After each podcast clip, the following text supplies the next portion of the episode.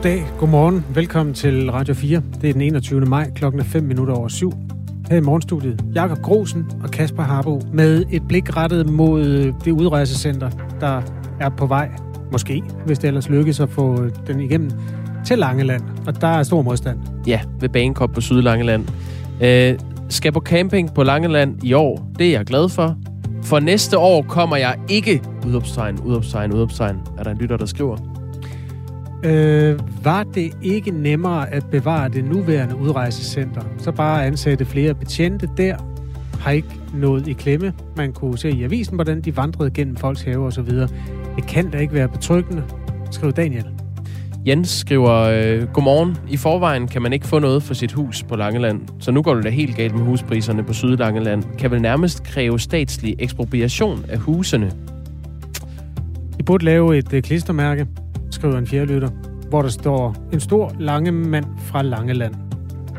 Brainstormen er i gang. Bare skriv ind på 1424. Det her, det er øh, en forholdsvis øh, grundig dækning af en politisk brandvarm kartoffel. Godmorgen.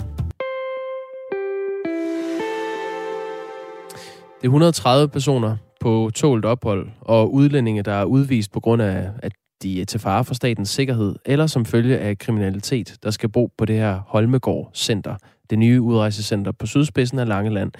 Beslutningen har vagt stor modstand både blandt borgere og politikere i Langeland Kommune. En af dem er Tony Hansen, borgmester i Langeland Kommune for SF. Godmorgen. Godmorgen. Godmorgen. Du var i går til det her møde med udlænding- og integrationsminister Mathias Tesfaye. Lykkedes det at overbevise ham om, at regeringen skal droppe de her planer om et udrejsecenter på Langeland? Nej, det var heller ikke øh, øh det, jeg troede, der ville komme ud af mødet. Det, der var vigtigt, det var, at befolkningen fik lov til at udtale deres øh, bekymringer, deres øh, frustrationer, og øh, også øh, fik øh, mulighed for at, øh, og, øh, sætte ord på, øh, hvorfor det her det er øh, en rigtig, rigtig dårlig idé. Oplevede du, at ministeren lyttede og tog de bekymringer alvorligt? Ja, virkelig meget. Altså stor ros til ministeren i øvrigt. Også rigtig god stil fra ministeren sige, at han øh, med ganske få dages varsel øh, stiller op til et, øh, et møde her øh, på Langeland.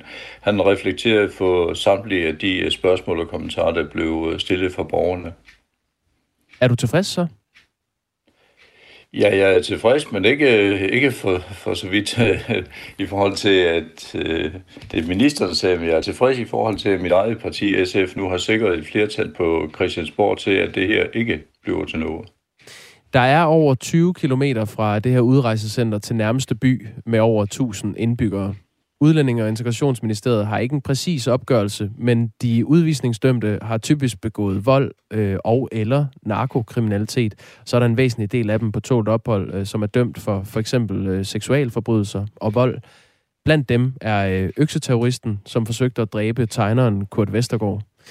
Øh, Tony Hansen, altså borgmester i Langeland Kommune for SF. Hvad er det, du helt konkret er bange for, der kommer til at ske med sådan en, en oprettelse af et udrejsecenter i Langeland?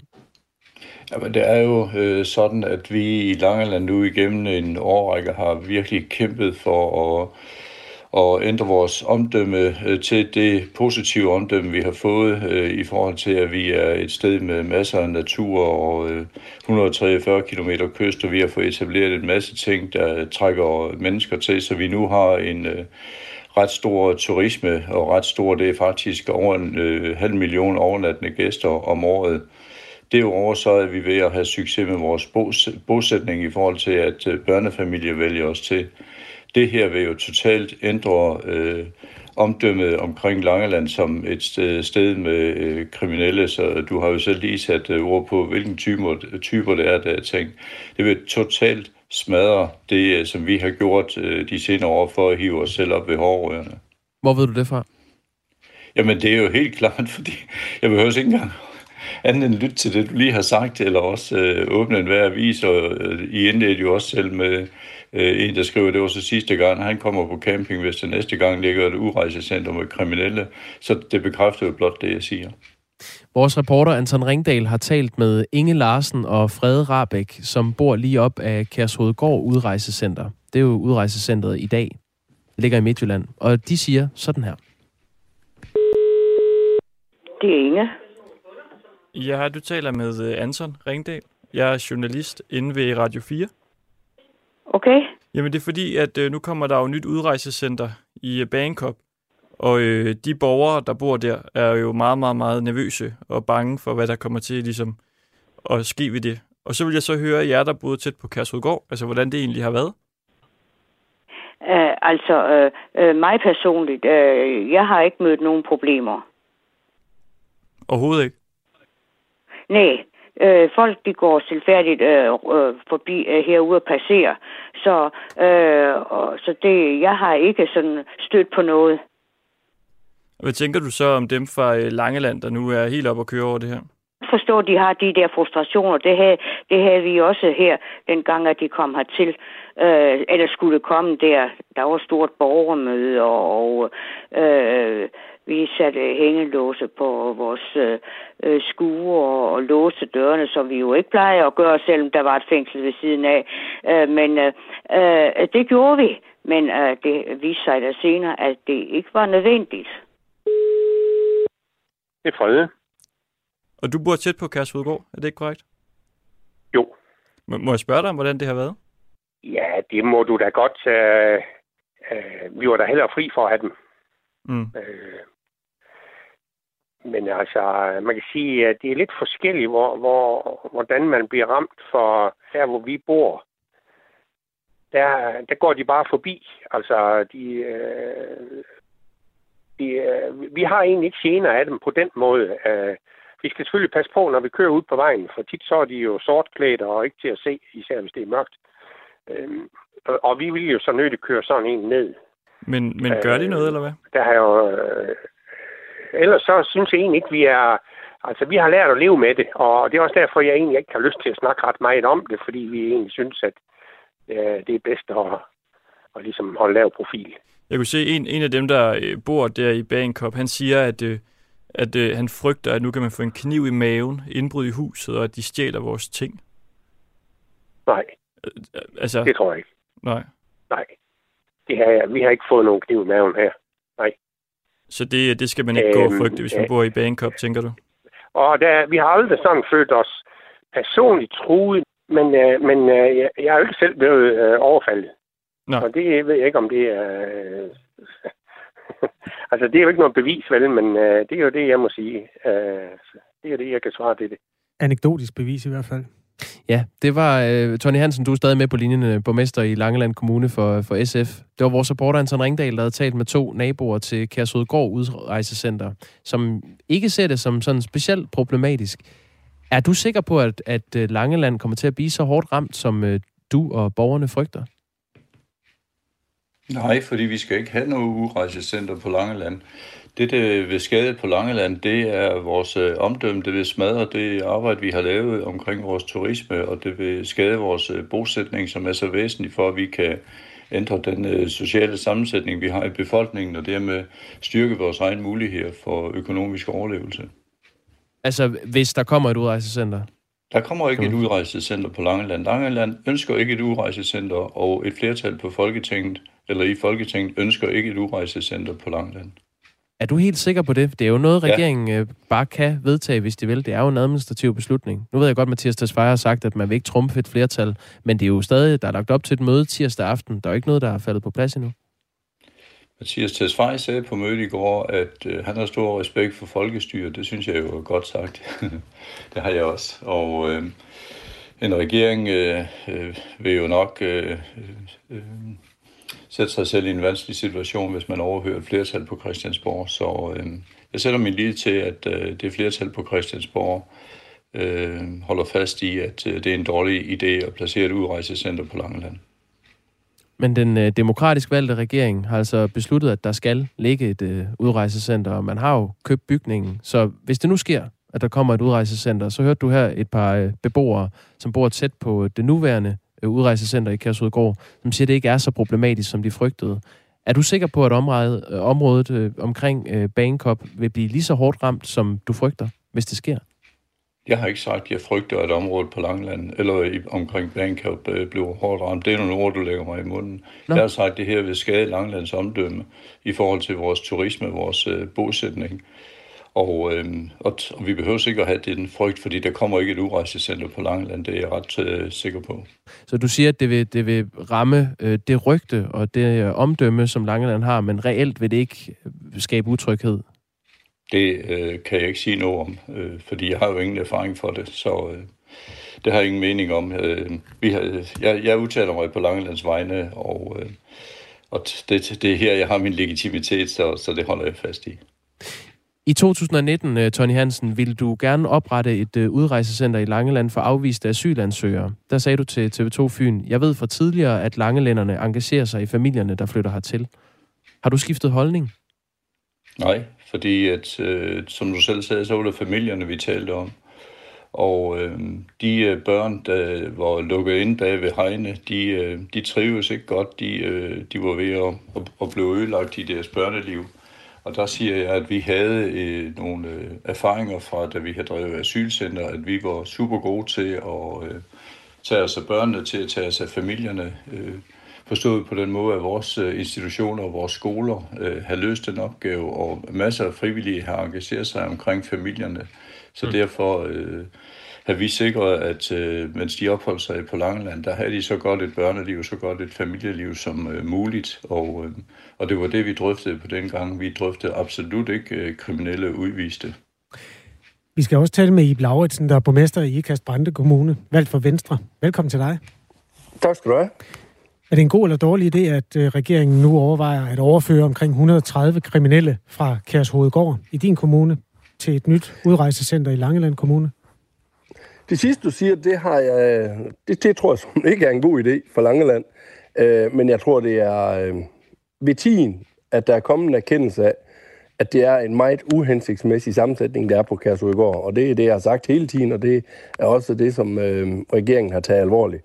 Så derfor, øh, på spørgsmålet om, om det er godt og klogt at flytte nogen væk fra det center i, øh, i Bording ved Kærshovedgård, øh, det er der slet ingen tvivl om. Men øh, når, når så det er sagt, så lyder det næsten ligesom om, at går bliver nedlagt. Der kommer jo nok til at være mindst lige så mange som i dag, eller flere. Mm. Det bliver bare af en mere øh, harmonisk øh, kategori.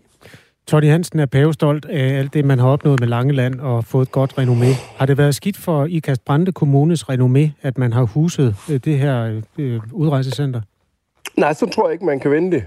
Øh, jeg tror, det har været skidt for de mennesker, der har skulle bo på det her center, at der har været tre kategorier af udlændinge, som alle øh, har fået i udsigt, at de skal rejse ud af landet. Men i den periode, hvor de ikke er rejst ud af landet, der har det været et meget øh, dysfunktionelt øh, center, og det har ikke været hensigtsmæssigt. Men kan du berolige en borgmesterkollega, som tror, at hans øh, kommunes renommé bliver ødelagt, hvis det er, at kommunen skal huse sådan den type opgave? Øh, det kan da godt, men det tror jeg ikke hjælper. Altså, jeg tror ikke, det hjælper, jeg siger til Tony, det der, det går fint. Og den diskussion tror jeg heller ikke, den er overhovedet diskussion eller snak, den kan ikke ligge mellem uh, Tony og mig, og det har vi sådan set hverken løg eller part i. Okay. Uh, det her, det må være en uh, regeringsbeslutning eller en folketingsbeslutning. Det er dem, der har det overordnede. Det her, det kan man ikke forvente, at to kommuner, de overhovedet uh, kan gå i dialog med hinanden om. Nej, okay. Det er også på den mere kammeratlige, medmenneskelige plan, at uh, jeg ja, ja, men der vil, der vil jeg gerne være flink at sige, at det ikke er et problem, men, men det ændrer ikke på, at det mest udprægede ved sådan noget som at have et center, det er en øh, frygtsituation, og det er noget, hvordan, det er en følelse, hvordan befolkningen har det. Hvad med og, kriminalitet? Det Hvad med det målbare? Jo, men der er der ingen tvivl om, at øh, som det har fungeret på går, så har det givet en afledt øh, kriminalitet. Det kan man jo næsten sige er sammensætningen af de mennesker. Men den har ikke været sådan, at det foregår i boarding. Det er lige så godt i Aarhus. Det er lige så godt i København.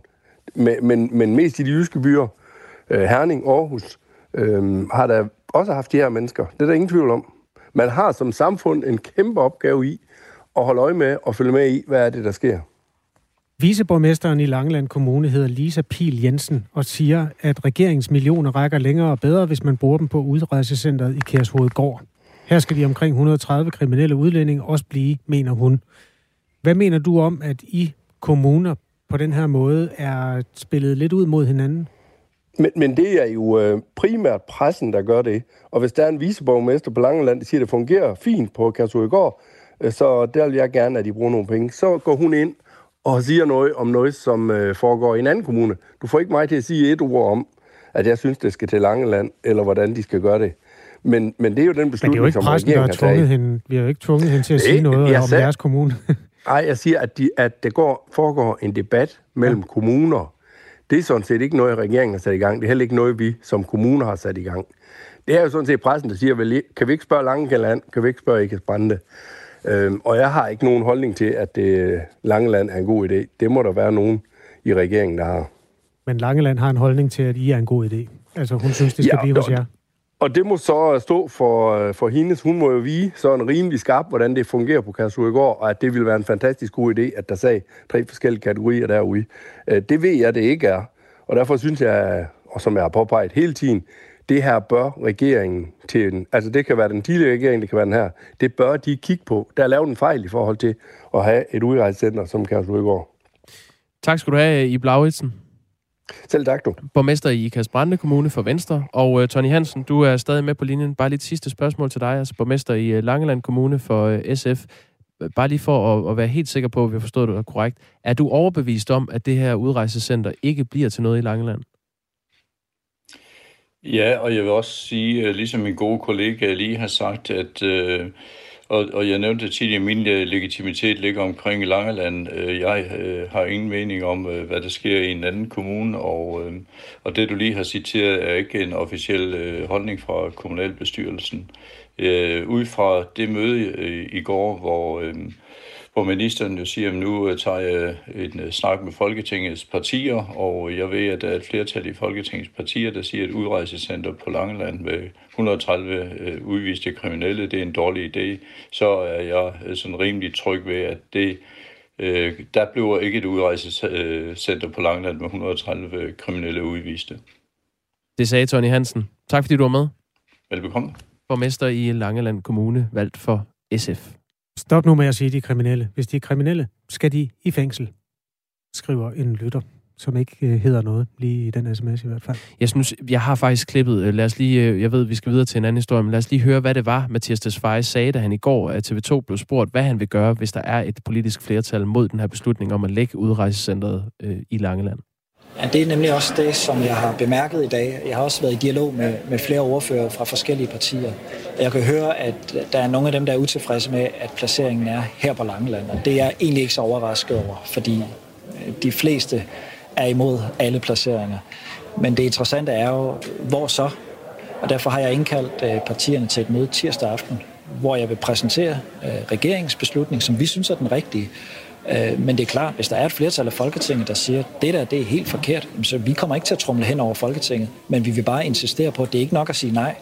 Fordi hvis man kun siger nej, så betyder det jo, at borgerne i Midtjylland skal fortsætte med den situation, de står i. Og det synes jeg heller ikke, man kan være bekendt. Og derfor så der er jo ingen gratis omgang her, heller ikke på Christiansborg. Nej, så han vil have en plan B fra Ja. de mennesker, der siger nej til Langeland. Du kan ikke sige nej, du skal sige nej og. Ja. Mere om den sag øh, lidt senere her i programmet. Nu er klokken 23 minutter over syv. Det er jo en tid, hvor vaccinerne rulles ud i alle europæiske lande, og i vores naboland mod syd, Tyskland, der sker noget interessant. Der bliver borgerne nemlig ikke vaccineret efter alder. De bliver heller ikke vaccineret efter sygdomshistorik. Der er en forsøgsordning i gang, hvor tyskerne blandt andet bliver vaccineret på deres arbejdsplads, og uden om det, man kan kalde den officielle statslige rækkefølge. Og om et par uger, fra den 7. juni, der bliver det simpelthen en national ordning. Godmorgen, Mads Anneberg Godmorgen. journalist og vært på Kontinentet, som er et Radio 4-program, der kigger ud over kontinentet. Forklar lige det tyske system. Hvordan bliver de vaccineret? Ja, altså selve processen er jo selvfølgelig den samme, at du får en, en kanon ind, ind i armen. ja, okay. Men øh, man kan sige, at det er fra den, øh, fra den 7. juni, for at være helt præcis, at der kommer det her store nybrud i den tyske øh, vaccinestrategi, hvor du sådan set skrotter alle vaccinekategorierne. Det vil sige, er du øh, ældre end mig, er du, er du sygere end mig, det er lige meget. Vi er, hvad skal man sige, på, på lige fod i forhold til at få ind de her eftertragtede vacciner. Og det er, det er alle mod alle. Frontpersonale, læger og sådan nogen. Jamen altså, man, man kan sige, de har jo så været igennem så mange, føler de nu, okay. okay. af, af de ældre og, og, og frontpersonalet. Selvfølgelig har de ikke fået øh, alle øh, med, som er, som er sårbare, men nu er strategien altså det her med, at nu, nu skal det bare være alle, fordi man vil slippe for, for bøvl og, og for byråkrati. Og det, som så øh, de har fundet på i den her sammenhæng, det er jo netop, at de skal have virksomhederne til at hjælpe dem. Fordi hvor at Tyskland jo i starten havde så få vaccinedoser, og det var en del af den her EU... Øh, vaccineindkøbsting, som, som gav stor kritik i, i, i begyndelsen, jamen så har de nu efterhånden så mange, at de har brug for en, for en hånd. Altså, og, og det er så der virksomhederne kommer ind i, i, i billedet og begynder at være med øh, på, på den her vaccinebølge og, og vaccinere deres egne medarbejdere med doser, som de får fra det offentlige. Mads Anneberg fortæller øh, både her i Radio 4 morgen og også mere i programmet Kontinentet på Radio 4 senere i dag. Vi skal høre fra en dansker, som bor og arbejder i Berlin. Han hedder Rune Møller og er kommet foran i vaccinekøen og har fået en vaccine af sin arbejdsplads, Axel Springer, som er en tysk mediegigant. De har simpelthen fået sat et telt op ude foran øh, vores udbygning, hvor der er sådan, tror jeg, 4-5 kabiner, øh, hvor man kan blive vaccineret. Og der skulle jeg lige forbi en sikkerhedsvagt, som de har været nødt til at sætte op, fordi øh, der er selvfølgelig folk i området, der har fundet ud af, at der bliver vaccineret, og der er mange, der gerne vil have en vaccination. Så ja, så kommer jeg ind og øh, sad fem minutter og ventede. Så fik jeg sådan et stik der med, med Moderna. Så fik jeg tilbudt en, en juice og, og lidt snacks, og så kunne man sidde og se, hvordan øh, det, det sådan, de har sådan en tæller, der tigger op, hvor mange øh, de er vaccineret. Jeg tror, på det tidspunkt, jeg var der, der, blev, der kørte der 10-15 stykker igennem. Ikke? Og så gik jeg tilbage på arbejde. Sagde danske Rune Møller. Øhm, Mads Anneberg, her i Danmark gav det sådan en ideologisk diskussion, hvis man for eksempel tog nogle øh, OL-atleter og kyldede dem forrest i køen. Fordi hvad så med dem, der blev hoppet buk henover og sådan noget. Hvad siger den tyske befolkning til, at vaccinerækkefølgen forsvinder, og folk får forlommer i køen? Jamen, det, det, det kan godt se ud til, at det er i Danmark, vi har et lidt religiøst forhold til, til den her vaccinekø. Altså, der er jo flere lande, heriblandt Tyskland, som har valgt at vaccinere deres OL-atleter, før de skal til Tokyo her til, til sommer. Øhm, og i Tyskland, der har der heller ikke været den helt store kritik af, af den her ordning. Lige nu, der kører den jo også ude i nogle forskellige øh, bundeslande, altså forbundslande.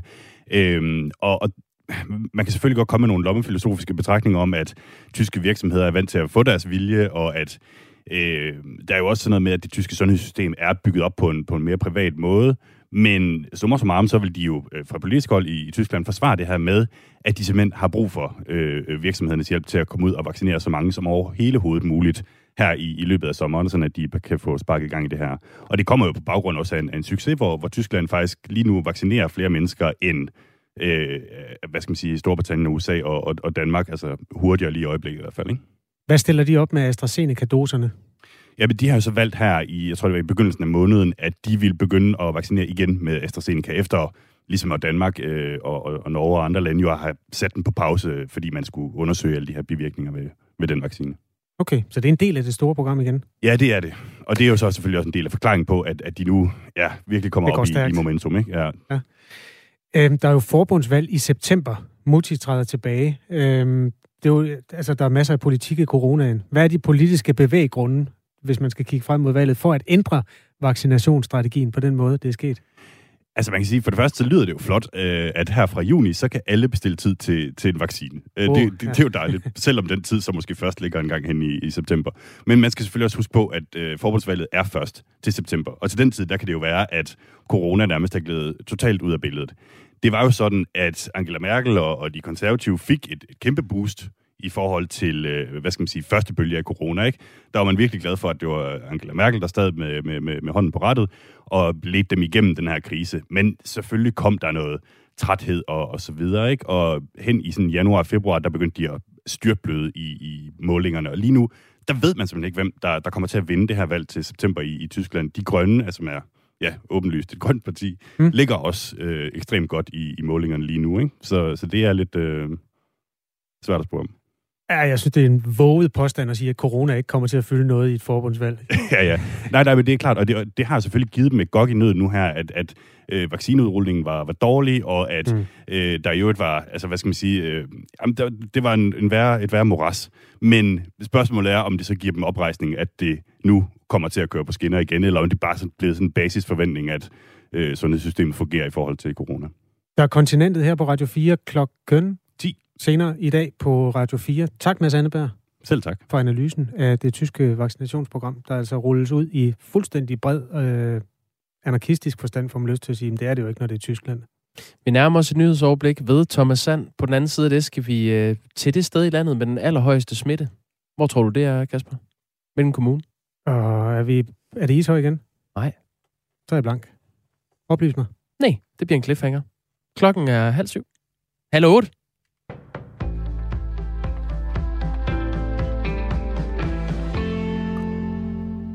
Hvis regeringen til de kommende forhandlinger om sociale ydelser og om børnefattigdom laver et forlig med de borgerlige partier, vil enhedslisten udløse et folketingsvalg, lyder det fra politisk ordfører Maj Villassen. Jeg synes, det er meget afgørende, at øh, en regering lever op til sine løfter, og ikke mindst det, som, øh, som den har aftalt forud for sin tiltræden. Og derfor bliver jeg også nødt til her at trække en streg i sandet og markere klart over for regeringen, at de ikke skal bevæge sig ned af den forkerte sti. Øhm, det, er jo, det er jo dem selv, der, øhm, der risikerer det hele, hvis ikke man leverer på noget, man, man har lovet vidt og bredt, øh, når man endda som Mette Frederiksen har døbt sig selv børnenes statsminister. Udmeldingen kommer efter, at beskæftigelsesminister Peter Hummelgaard i Jyllandsposten meldte ud, at man helt klart går efter et bredt forlig, der også inkluderer de borgerlige partier. I en spørgetime efterlyste Maj Villassen, at statsminister Mette Frederiksen meldte klart ud, at der skulle gøres noget ved børnefattigdom i Danmark. Den klare udmelding fik hun ikke. Vi må se, om der materialiserer sig et politisk flertal. Det ved vi ikke på forhånd, sagde statsministeren ifølge Jyllandsposten. Rød Blok skrev efter valget i 2019 under på et forståelsespapir. Det gav Socialdemokratiet regeringsmagten. I papiret står der blandt andet, at den nye regering skal bekæmpe børnefattigdom, og at en ydelseskommission skulle komme med anbefalinger til et nyt system. Og det er den aftale, enhedslisten frygter, regeringen løber fra. Regeringens to øvrige støttepartier, de radikale og SF, ser ifølge information heller ikke positivt på regeringens planer om at lave et bredt forlig, hvor de borgerlige partier er med. Verdenssamfundet bør være meget bekymret for langtidsholdbarheden i den våbenhvile, som er indgået mellem Israel og Hamas-bevægelsen. Sådan lyder det fra flere internationale eksperter. De dybere liggende problemer er nemlig langt fra løst, siger Josi Mikkelberg, som er professor og mellemøstforsker med tilknytning til tænketanken Chatham House til NBC News. Til syvende og sidst retfærdiggør Hamas og Netanyahu den anden sides eksistens. Deres eksistens er baseret på konfrontation og ikke på samarbejde, siger han. Jeg mener ikke, at fred ligger lige rundt om hjørnet. Efter 11 dage med bombardementer og angreb fra begge sider og hundredvis af dræbte civile, trådte en våbenhvile for Gazastriben i kraft i nat klokken 2 dansk tid undskyld, klokken 1 dansk tid. Også Hugh Lovett, som er Mellemøsten-ekspert ved tænketanken European Council on Foreign Relations, udtaler til det amerikanske medie, at situationen mellem Israel og palæstinenserne generelt er uholdbar. Han mener, at den veje løsning kræver en anden tilgang til fredsprocesser. Den svenske lektor og mellemøstekspert ved Linné Universitetet, Andreas Persson, har også sine forbehold. Mange kalder det for en minimalistisk våbenhvile, hvor man bytter fred for fred, siger Persson til det svenske nyhedsbrug TT. De fleste, hvis ikke alle, har nok prøvet at kigge på deres hud og opdage et nyt modermærke eller en anden lille ting, som man gerne vil have tjekket. Nu har Google præsenteret en ny app, som skal hjælpe til at diagnostisere lidelser i hud, negle eller hår på baggrund af kunstig intelligens og billeder, som man selv tager på sin telefon, det skriver BBC. Det såkaldte dermatologiske hjælpeværktøj kan på baggrund af tre billeder af hud, hår eller negle fra forskellige vinkler komme med et bud på, om man muligvis har en lidelse. Appen kan genkende 288 hudlidelser.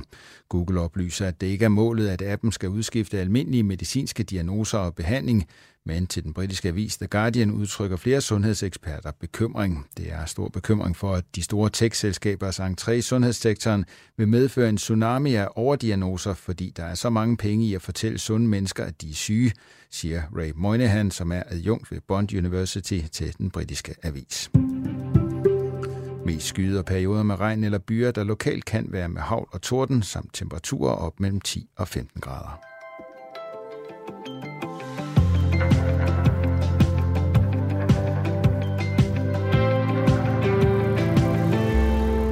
Godmorgen. Det er fredag morgen, den 21. maj 2021.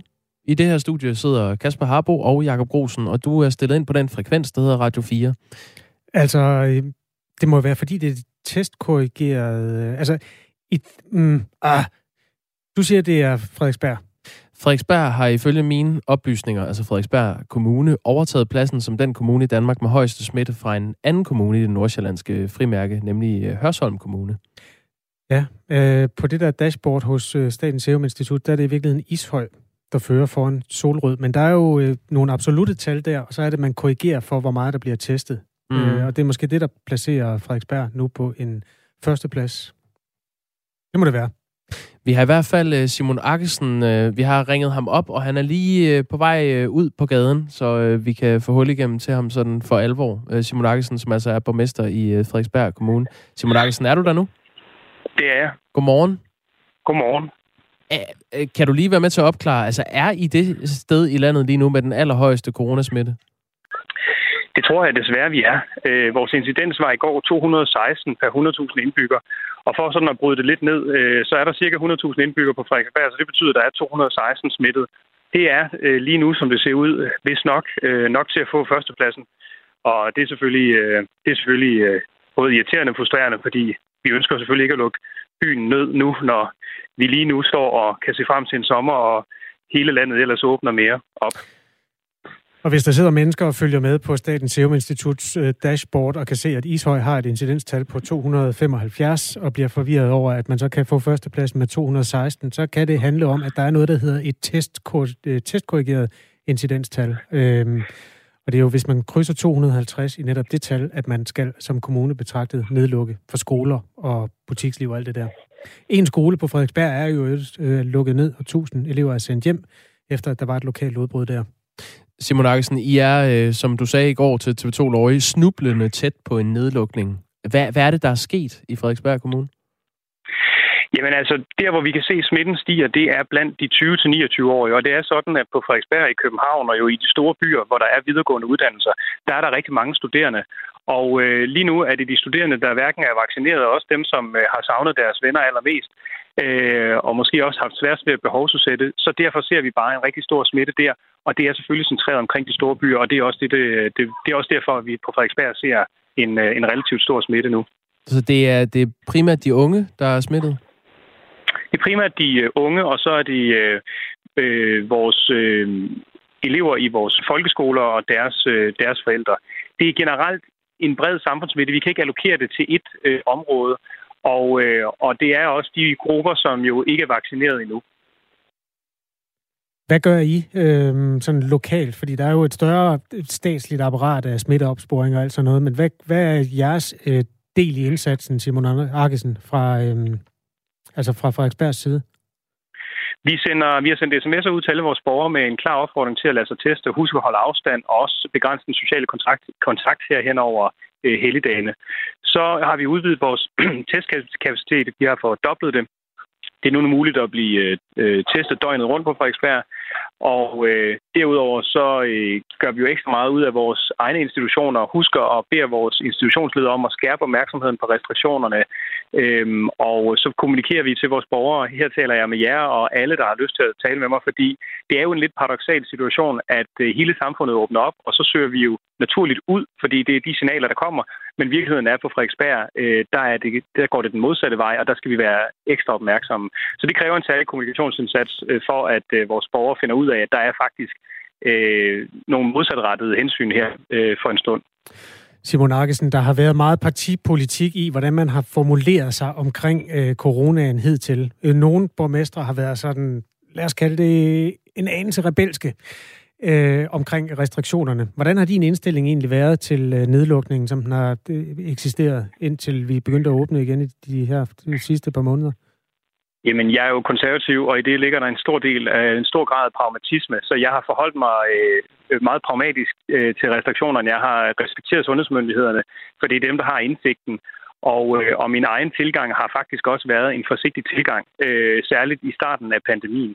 Øh, men men øh, det, som øh, jeg har gjort i denne her konkrete situation, det er, at jeg har skrevet til sundhedsministeren sammen med hele min kommunalbestyrelse og spurgt, er det sådan, at de øh, kriterier, der gælder for nedlukning på 250, er det fortsat relevant? Fordi øh, de øh, blev lovet, at de blev evalueret løbende og korrigeret.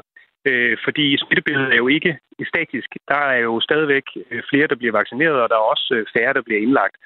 Og øh, vi lukker selvfølgelig ned, hvis sundhedsmyndighederne vurderer, at det er det, der skal til. Mm. Men modsat vil jeg selvfølgelig også være rigtig ked af at sige til Frederiksbergborgerne, at deres frihed skal indskrænkes nu, hvor hele samfundet åbner op, hvis ikke det er nødvendigt. Godt. Det var virkelig også for at tage kommunikationstemperaturen på dig, fordi din kollega i Hørsholm Kommune har brugt sådan et udtryk som skræmmekampagne og den slags, indtil det så pludselig var Hørsholm, der skulle lukkes ned. Øhm, så fik pipen en, en marginalt anderledes lyd der. Og der er jo noget oppositions, hvad skal man kalde det, kommunikation også omkring coronaen. Det har der også været fra din partileder Søren Pape Poulsen, hvor man har arbejdet meget for at få åbnet Danmark. Jamen, jeg er meget optaget af at løse den opgave, jeg står for, og, øh, og, øh, og jeg har meget stor respekt for, at der er nogle myndigheder, som har et, øh, et fuldt billede, som jeg jo ikke har i Frederiksberg Kommune. Min opgave er at sørge for at lukke kommunen ned, hvis det er det, der er beskeden i god orden. Så er det at sørge for, at vi forebygger så meget som overhovedet muligt, så vi kommer i en nedlukningssituation. Men i dag, der tillader jeg mig også at stille det spørgsmål. Er vi nu sikre på, at de, de kriterier, der gælder for nedlukning, at det også er opdateret og stadigvæk relevante? For selvfølgelig øh, ønsker jeg jo øh, den mindst indgribende øh, reaktion over for Frederiksbergborgernes frihed, hvis, øh, hvis det er muligt. Hvis I ender med at skulle lukke ned om et par dage, Simon Akkesen, øh, hvilke konsekvenser får det så for borgerne på Frederiksberg? Jamen, jeg tør næsten ikke tænke på det. Altså, det, det er enormt indgribende. Altså, den nedlukning, vi så i givet fald står overfor, som reglerne er i dag, det er en total nedlukning. Det er stort set det eneste, der kan forblive åbent, det er vores daginstitutioner. Så det er skoler, det er fritidstilbud, det er haller, det er erhvervsliv. Øh, og det, der er lidt paradoxalt i den situation, det er jo, at Frederiksberg er jo, om vi ved eller ej, en del af hovedstaden og Københavns Kommune. Vi har en omegnskommune, det er Københavns Kommune, og vores borgere bevæger sig ind og ud af kommunegrænsen hver eneste dag. Øh, så man kan sidde på den ene side af Værendomsvej og drikke sin kop kaffe mens, øh, på en åben café i Københavns Kommune, mens man kigger over på den anden side af Værendomsvej, som er Frederiksberg Kommune, og der er caféerne lukket. Og det giver ikke særlig meget mening. Så derfor håber jeg også, at hvis vi kommer i en situation, hvor vi skal lukkes ned, at man fra myndighedernes side vil forholde os til øh, Frederiksbergs lidt særlig geografi og, øh, og se på, hvad er der muligt at undsage under hensyn til øh, den måde, vi er placeret i København. Tak fordi du var med, Simon Akkesen. Tak for muligheden. Borgmester i øh, Danmarks lige nu førende coronakommune, Frederiksberg Kommune. På det... For konservativ Folkeparti. Præcis. For øh, sygdomsstatistikken siger, øh, den kommer jo dagligt fra Statens Serum Institut, at der er 160 indlagte på hospitalerne. Og det er jo det tal, som man allermest øh, skal øh, lade styre øh, stemningen. Det var jo det, vi fik at vide lige siden det første pressemøde. Hospitalernes kapacitet må for alt i verden ikke øh, overskrides. Det er der altså på ingen måde udsigt til. 160 indlagte lyder det seneste tal. Lige nu er klokken 7.43, og vi bliver lidt ved emnet.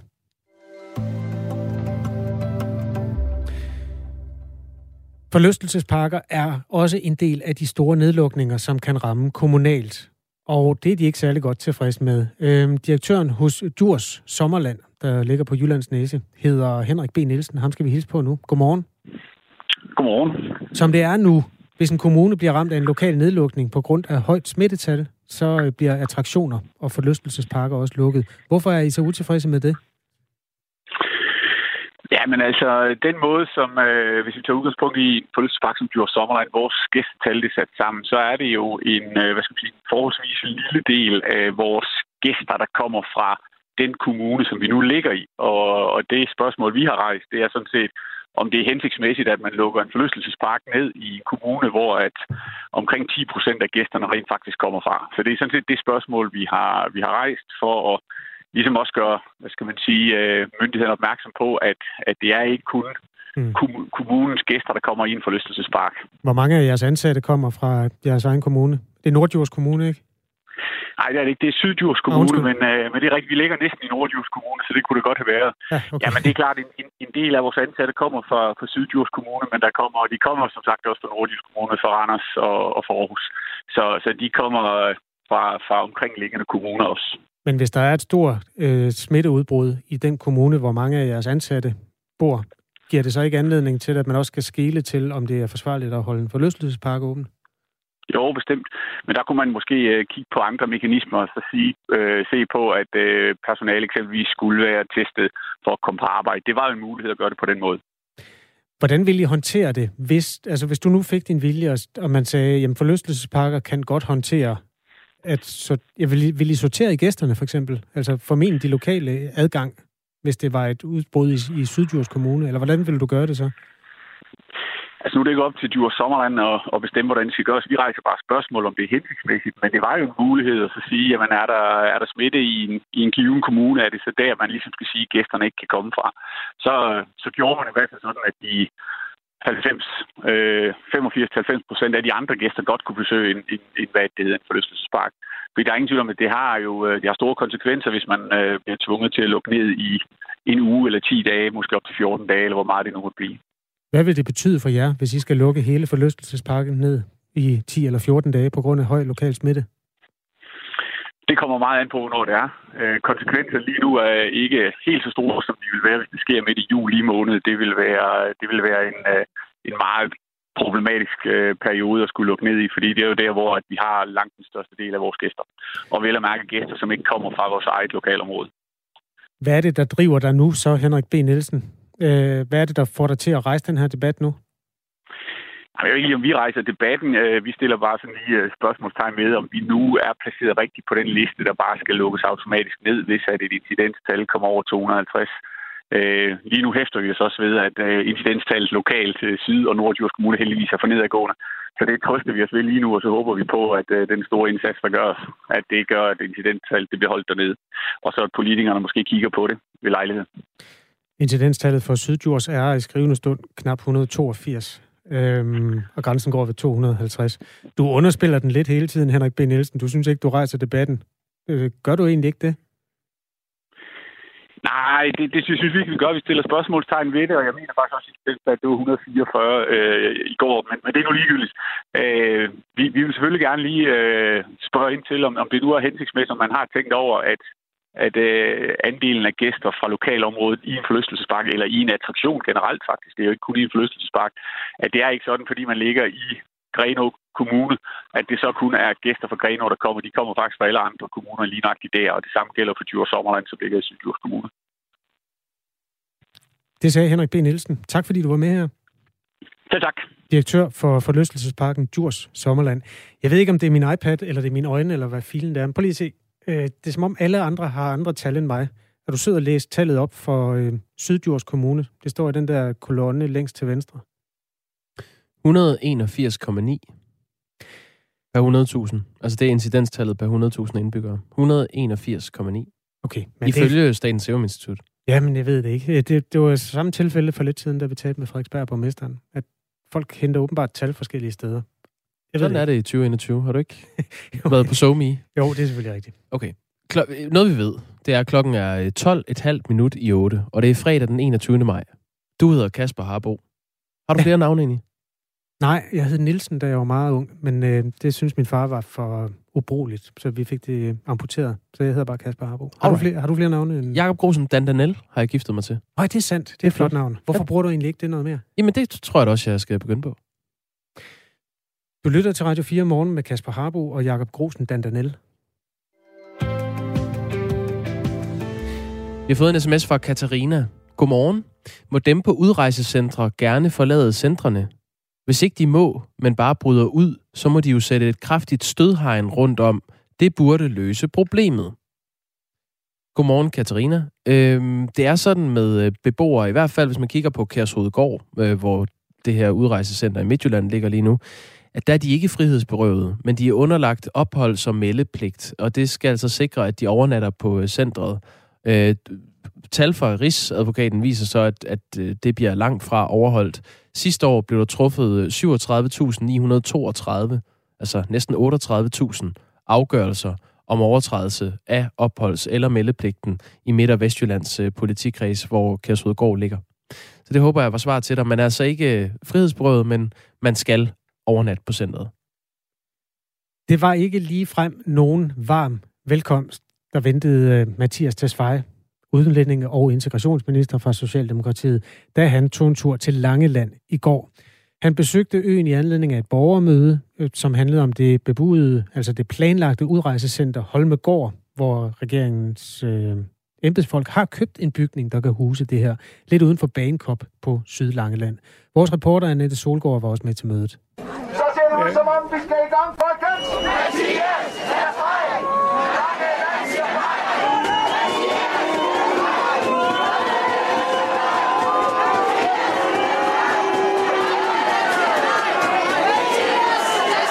Der er helt proppet her uden for en humplehallen. Der er allerede fyldt op med øh, de 400 pladser, der er indenfor, og så står der i hvert fald også et par hundrede her udenfor, som venter på, at udlændinge- og integrationsministeren han ankommer. Hej. Hej. Jeg er journalist, der kommer fra Radio 4. Ja. Øh, hvem er du? Jeg er Jesper Skovhus. Øh, den anden del af det, hvad skal, hvad skal man sige, Langland CNI-gruppen. Ja. Eller opstartsgruppen der. Og øh, du står og sælger nogle... Øh, Ja, det er jo egentlig bare den her øh, Langeland CNI-klistermærker, som, øh, som den lokale, hvad hedder han, øh, reklamemand, han har produceret, så sælger han dem til kostpris. Og det er 25 kroner. Og der røg en, kan du se. og hvor mange har du solgt af dem i dag? Åh, oh, mange. Jeg tror, der er trykt 150 af dem. Øh, og, og, og, og pressen fortsætter. Jeg tænker, at de kommer til at sidde i rigtig, rigtig mange langlandske biler, dem her. Må jeg, øh, må jeg tale med dig? Ja, selvfølgelig.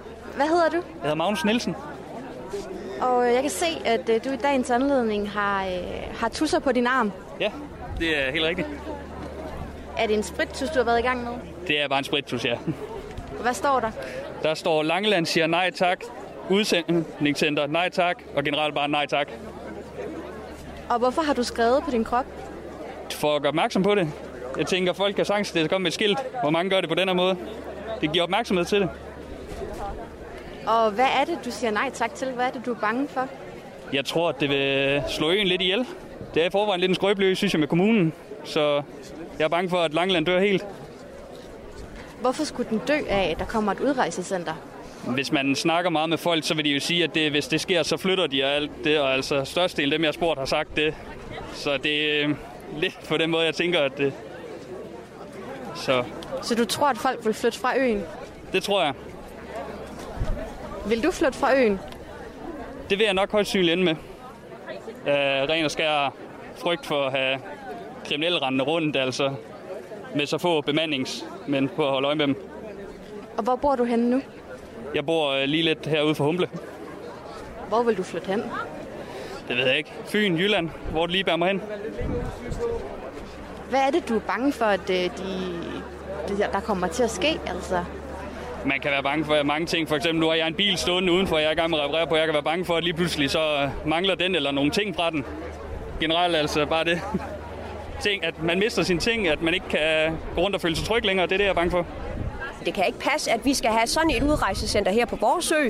Vores lille, dejlige, smukke ø. Det, det bliver jo troet. Der er jo ingen, der er sikre. Det er jo, det er jo helt hold i hovedet, mand. Flyt den til Nordsjælland op til alle politikerne. Se, hvordan, øh, se om de synes, det er pisse sjovt at have sådan nogle boende. Vi har nemlig taget vores tørn, ja.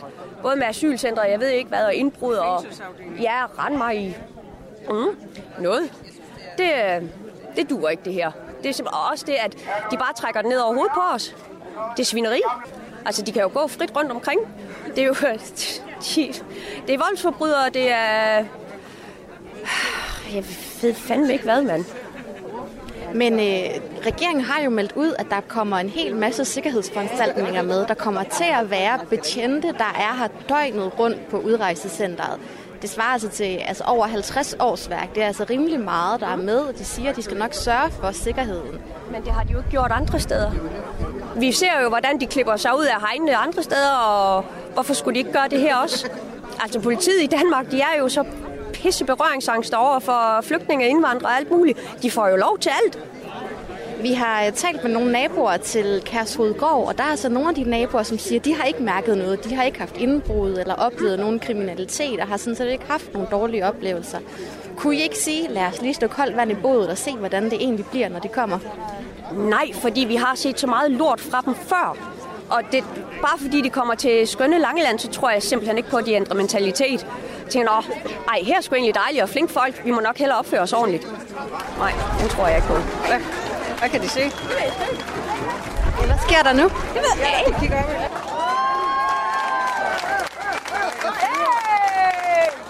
Hvad er det, vi ser? Øh, det er en lille flyver med et banner, der står Langeland siger nej. Der flyver hen over Humlehallen nu.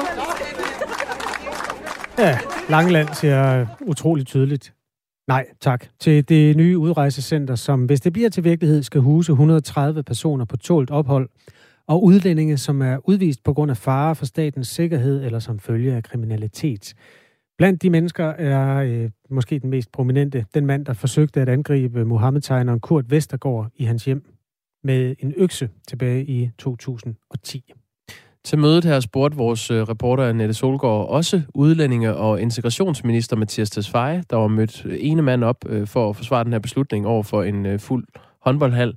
Hvorfor det lige er Sydlangeland, man har valgt. Hvordan har I helt konkret valgt placeringen af centret? Vi har let efter en ejendom, som, øh, hvor vi ikke skulle til at bygge alt muligt nyt, men hvor man øh, rimelig let ville kunne omdanne den til et udrejsecenter. Og Holmegård er et tidligere asylcenter, som udlændingemyndighederne kender, og som kunne købes for en ordentlig pris. Øh, og det er årsagen til, at vi har truffet den her beslutning. Hvis det center havde ligget i en anden kommune, så havde, eller undskyld, hvis Holmegård havde ligget i en anden kommune, så havde vi også haft et udrejsecenter i en anden kommune. Så det handler udelukkende om, hvordan ejendommen er? Jamen, det er også vigtigt, at det ikke ligger for tæt på en større dansk by. Øh, og så er det vigtigt, at det kan sådan praktisk og økonomisk hænge sammen. Det virker lidt tilfældigt, at det så er lige her, det er blevet placeret. Nej, det er ikke, det er ikke tilfældigt. Øh, det er selvfølgelig ikke en beslutning, der er truffet sådan hen over natten. Øh, det er noget, som selvfølgelig skal grundigt overvejes, og vi har godt vidst, at det ville have konsekvenser for det lokalsamfund, hvor det lå, og derfor har vi også besluttet os for, at det lokalsamfund skulle kompenseres, blandt andet ved at sikre en ordentlig polititilstedeværelse. Hvad skal langelænderne stille op med den utryghed, som de også har fortalt om her på mødet i dag? Jamen, vi vil opfordre til, at det, som fungerer ganske udmærket i Midtjylland, som er et samarbejde mellem lokale borgere, myndigheder og politiet, øh, bliver kopieret herover til Langeland, fordi øh, det er et godt samarbejde, som øh, der ikke er nogen grund til at opfinde helt forfra øh, her på Langeland. Men hvis samarbejdet fungerede så godt, var der vel ikke nogen grund til at få det flyttet fra, øh, fra Ikast Kommune? Jeg tror, borgerne i Bording i Ikast Kommune øh, er stadigvæk glade for, at regeringen gerne vil have den her gruppe flyttet, på trods af, at der er et godt samarbejde. Det er ikke sådan, at det samarbejde, der har været, bare annullerer alle de udfordringer, der er med Kærsvedgård. Kommer det her til at have konsekvenser for bosætning, for turisme, for erhvervslivet og for sådan økonomien i området? Det er svært at spørge om fremtiden, men det jeg i hvert fald bare kan konstatere, det er, at Bording er fortsat et levende lokalsamfund, hvor folk lever et almindeligt dansk familieliv, og ungerne går til idræt, og butikkerne har åbne, og det er ikke sådan, at lyset bare slukker på land, Langeland nu. Det har jeg også forsøgt at, at øh, fortælle her på, på borgermødet i dag. Tak, tak, tak. tak skal du have. Tak til Mathias Tesfaye, som altså var en tur på Langeland i går. Efter planen skal de kriminelle øh, udviste udlændinge flytte ind om cirka et år, hvis altså ikke øh, flertallet i Folketinget får regeringen til at ombestemme sig for den plan. Øh, vi har fået en sms fra vores lytter Silas, der kommer tit på Langeland som turist. Han skriver, jeg er naturfotograf og kommer med stort kameraudstyr, men jeg ved ikke, hvor tryg jeg vil være ved at komme med et kameraudstyr for 100.000 kroner. Klokken er to minutter i 8. Du lytter til Radio 4 morgen.